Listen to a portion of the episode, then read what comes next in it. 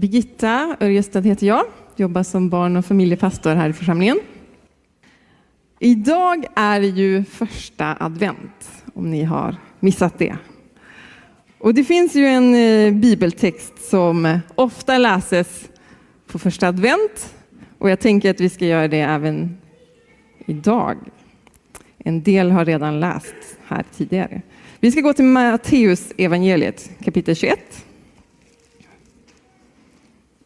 Och vers 1 till 6 ska vi läsa, så vi läser en del av den. Har du Bibeln med dig så får du slå upp.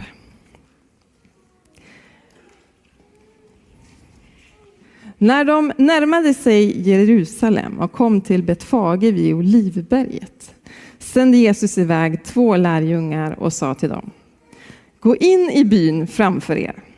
Där ska ni genast finna en åsna som står bunden med ett föl bredvid sig.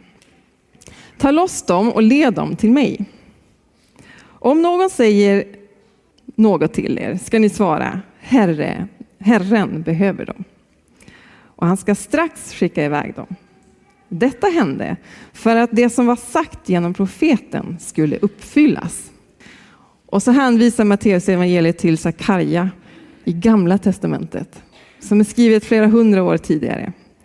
Och där står det, säg till dottern Sion, se din kung kommer till dig, ödmjuk och ridande på en åsna, på en arbetsåsnas föl. Lärjungarna gav sig iväg och gjorde som Jesus hade befallt dem. Och om man fortsätter läsa här så kan man läsa att lärjungarna kommer tillbaka med den här åsnan och fölet, Jesus. Och han, får, eh, han sätter sig upp och så rider han in i Jerusalem. Och där möts han av en stor folkskara som hyllar honom. Se, din kung kommer till dig. Ödmjuk och ridande på en åsna. Jesus, en kung, kungars kung. Kung över något så mycket större än vad den här världen rymmer. Kung över så mycket mer. Och i och med det här tillfället när Jesus gör det här så, så liksom visar han att han är den här kungen som har skrivits om flera hundra år tidigare. Jag skulle visa, vilja visa er något mer här. Ska vi se. En superhjältedräkt. Va? Tänk om man, du tycker jag ska ta på den? jag, jag tror inte jag kommer i den faktiskt. Superhjältar, det kan man eh, läsa om i serietidningar och se på film och sådär.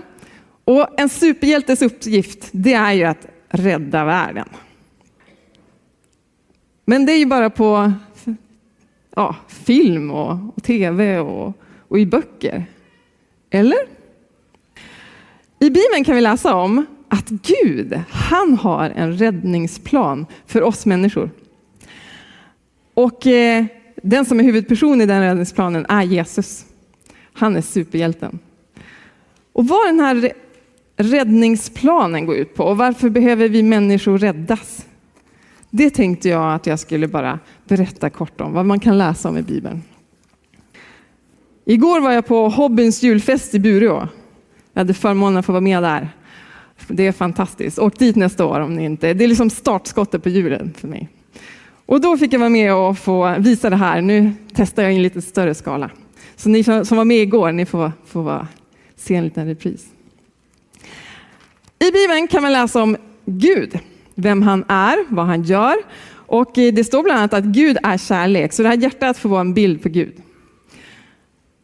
Det, vi kan läsa om att Gud han ska, har skapat allting runt omkring oss som vi kan se. Han har skapat stjärnorna, solen, månen, hav, land, växter, alla möjliga sorters djur.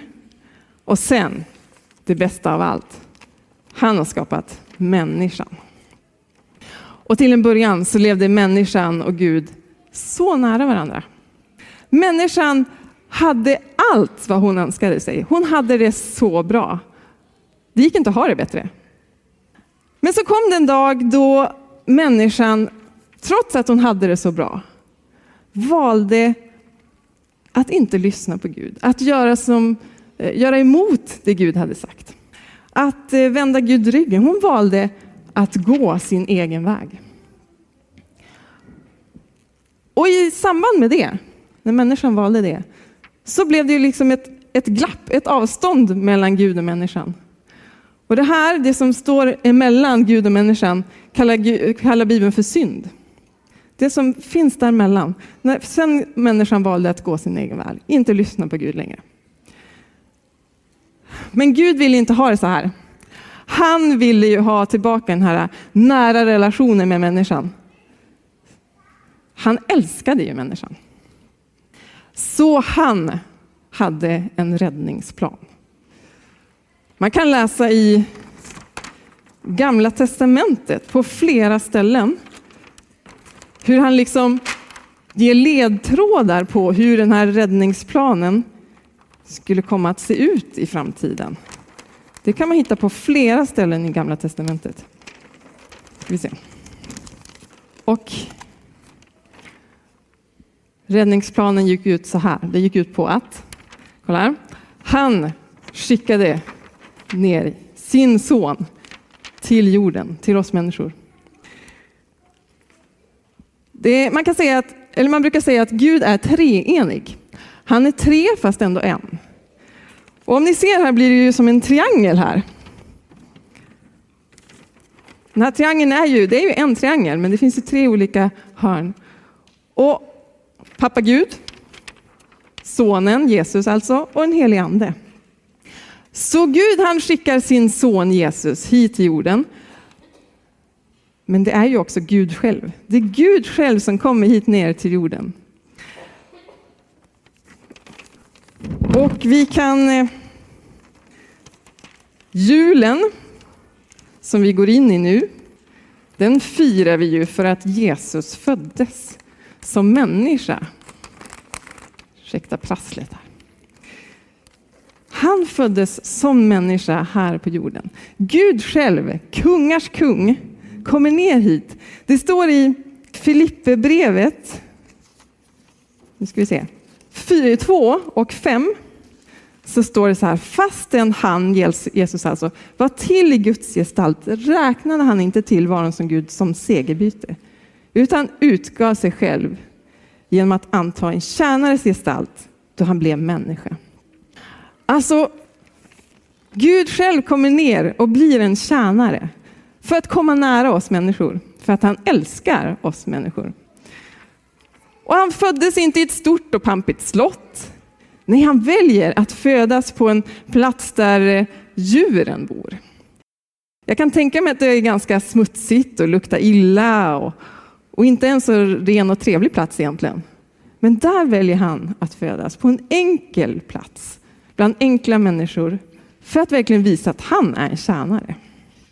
Han kom hit för att tjäna oss. Och Jesus han växer upp och han går runt och pratar med människor, han ser människor, han, eh, han botar, människor, botar sjuka, han gör massa under och tecken, men framför allt så visar han på en väg till Gud. Och han går hem till människor, besöker dem. Och många öppnar sina hem, öppnar sina liv för Jesus och bjuder in honom och vill bli hans vän. Men sen finns det andra som inte ville det. Som stänger, stängde sina hem och stängde sina liv för Jesus. Och sa att nej, han vill jag inte ha något med att göra. Och då är Jesus så, han, han tränger sig inte på någon som inte vill. Utan som det står, din kung kommer till dig ödmjuk. Han kommer, han står där och vill man öppna sitt hem så kommer han, stiger jättegärna in i ditt hem och i ditt liv. Men om man inte vill det, om man vill stänga sitt liv eller sitt hem, så respekterar han det. Men han vill av hela sitt hjärta få vara en del av allas våra liv och hem. Det fanns människor som var så arga och så irriterade och så åh, på Jesus att de tillfångatog honom. De eh, hånade honom. De eh, piskade honom, de hängde upp honom på ett kors och dödade honom. Men det de inte visste var att det var en del av Guds räddningsplan för oss människor. Det var Guds plan att Jesus skulle dö. För Jesus, han skulle komma och dö istället för våran skull, istället för människans skull. För det här, den här synden som låg mellan Gud och människan. Han skulle ta straffet för det. Och det de inte heller visste var att nu, några dagar senare så skulle han ju uppstå igen.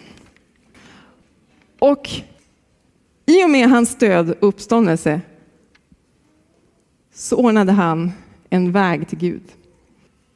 Så genom Jesus kan vi kom, få komma till Gud.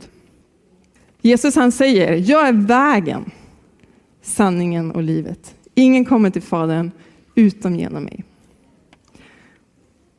Och det är ju därför vi firar advent, vi firar jul, vi firar påsk. Det är för att, vi, för att Gud har en räddningsplan för oss människor. Han satte det i verket. Och idag så får vi, var och en, göra som vi vill. Men han vill jättegärna komma in i ditt liv och i ditt hem. Och du kan få öppna ditt hem, ditt liv, kanske för första gången, eller för hundraelfte gången, eller vad det kan vara, den här julen. Vi ber. Jag tackar dig Jesus för att du är kung och att du har kommit till oss för att rädda oss. Tack för att vi kan få ha en relation med dig. Tack för att vi genom dig kan få komma till Gud. Tack för, att, för det du gjorde för oss. Tack för att du kom hit ner som en tjänare för att komma oss nära. Nu ber vi för den här dagen, den här julen som ligger framför, ber att vi var och en ska få minnas dig och få verkligen öppna upp för dig ännu mer än vad vi redan har gjort. Amen.